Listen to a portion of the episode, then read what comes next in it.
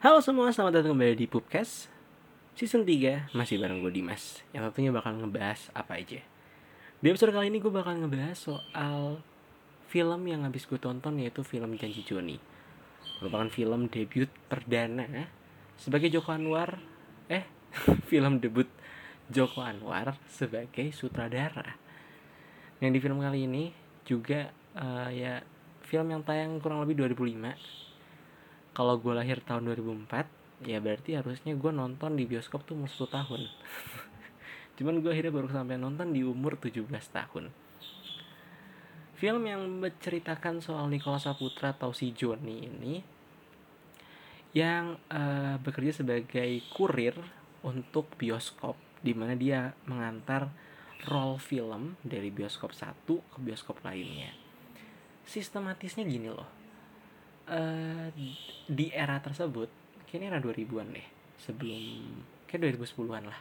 Eh enggak, enggak, enggak 2000-an 2000-an 2000-an di era ini si Joni atau uh, ya si Joni ini uh, harus mengantarkan roll film dari bioskop satu ke bioskop lainnya. Kenapa? Karena uh, untuk kita sebagai penikmat film nonton film di bioskop butuh waktu beberapa jam buat bisa nonton. Kenapa? Karena film tersebut nggak bisa ditayangin secara bersamaan di layar yang berbeda.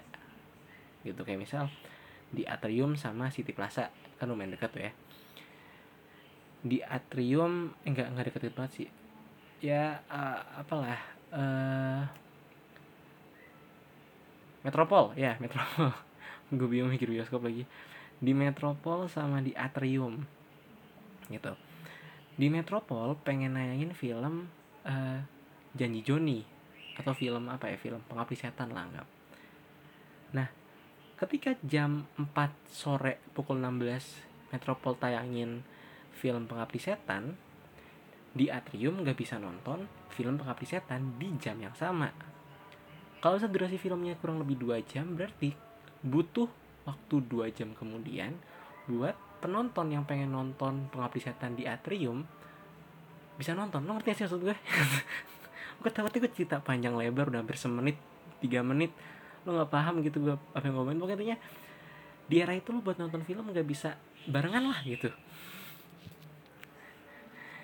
Ya pokoknya uh, ya poinnya adalah si Joni ini berjanji kalau misalnya dia bakalan nganterin roll film ke bioskop uh, tepat waktu gitu. Biar penontonnya tuh nggak yang aduh uh, kelamaan nunggu.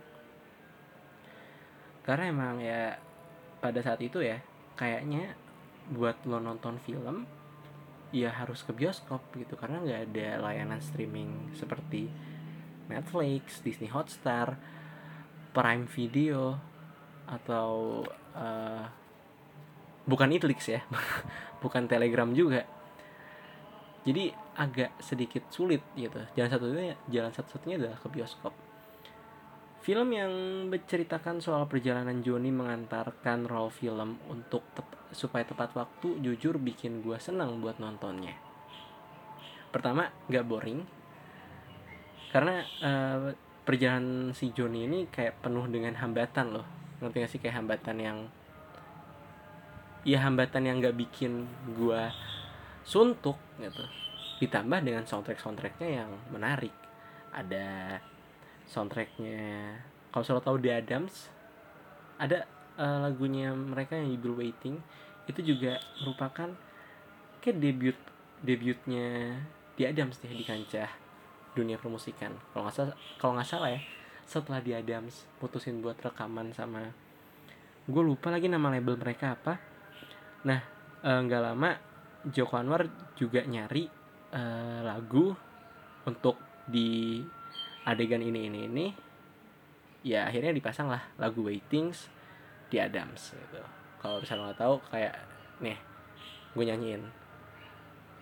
Believe me that uh, not not not you never let somebody close to you. Pokoknya intinya lo cari aja deh di Spotify atau di YouTube uh, Waiting di Adams gitu.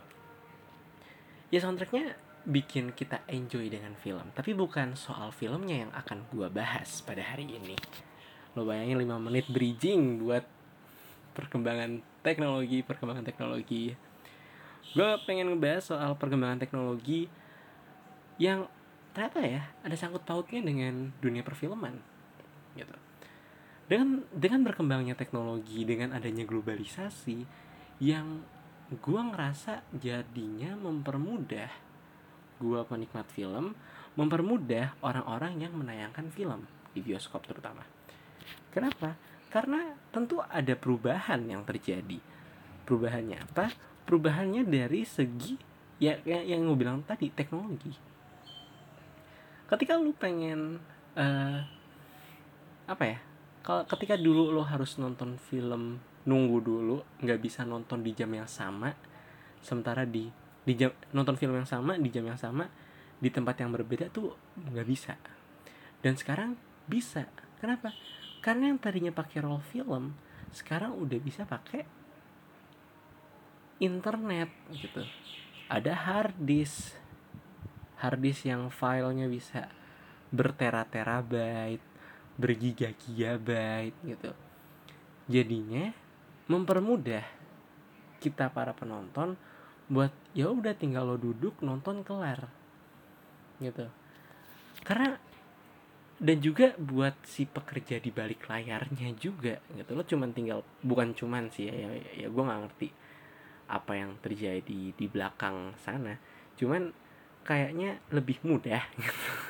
Kayaknya jauhnya jauh lebih mudah aja dibandingkan dengan lo kalau nonton film janji Joni ya itu ada fase deg-degan bagi mereka si pemutar film karena mereka harus memastikan si roll film itu tidak terputus di tengah film. Gitu kayak misal gini satu roll film itu ya satu roll film itu lo nggak tahu itu bisa full satu film atau bisa terhenti di setengah jalan. Gitu.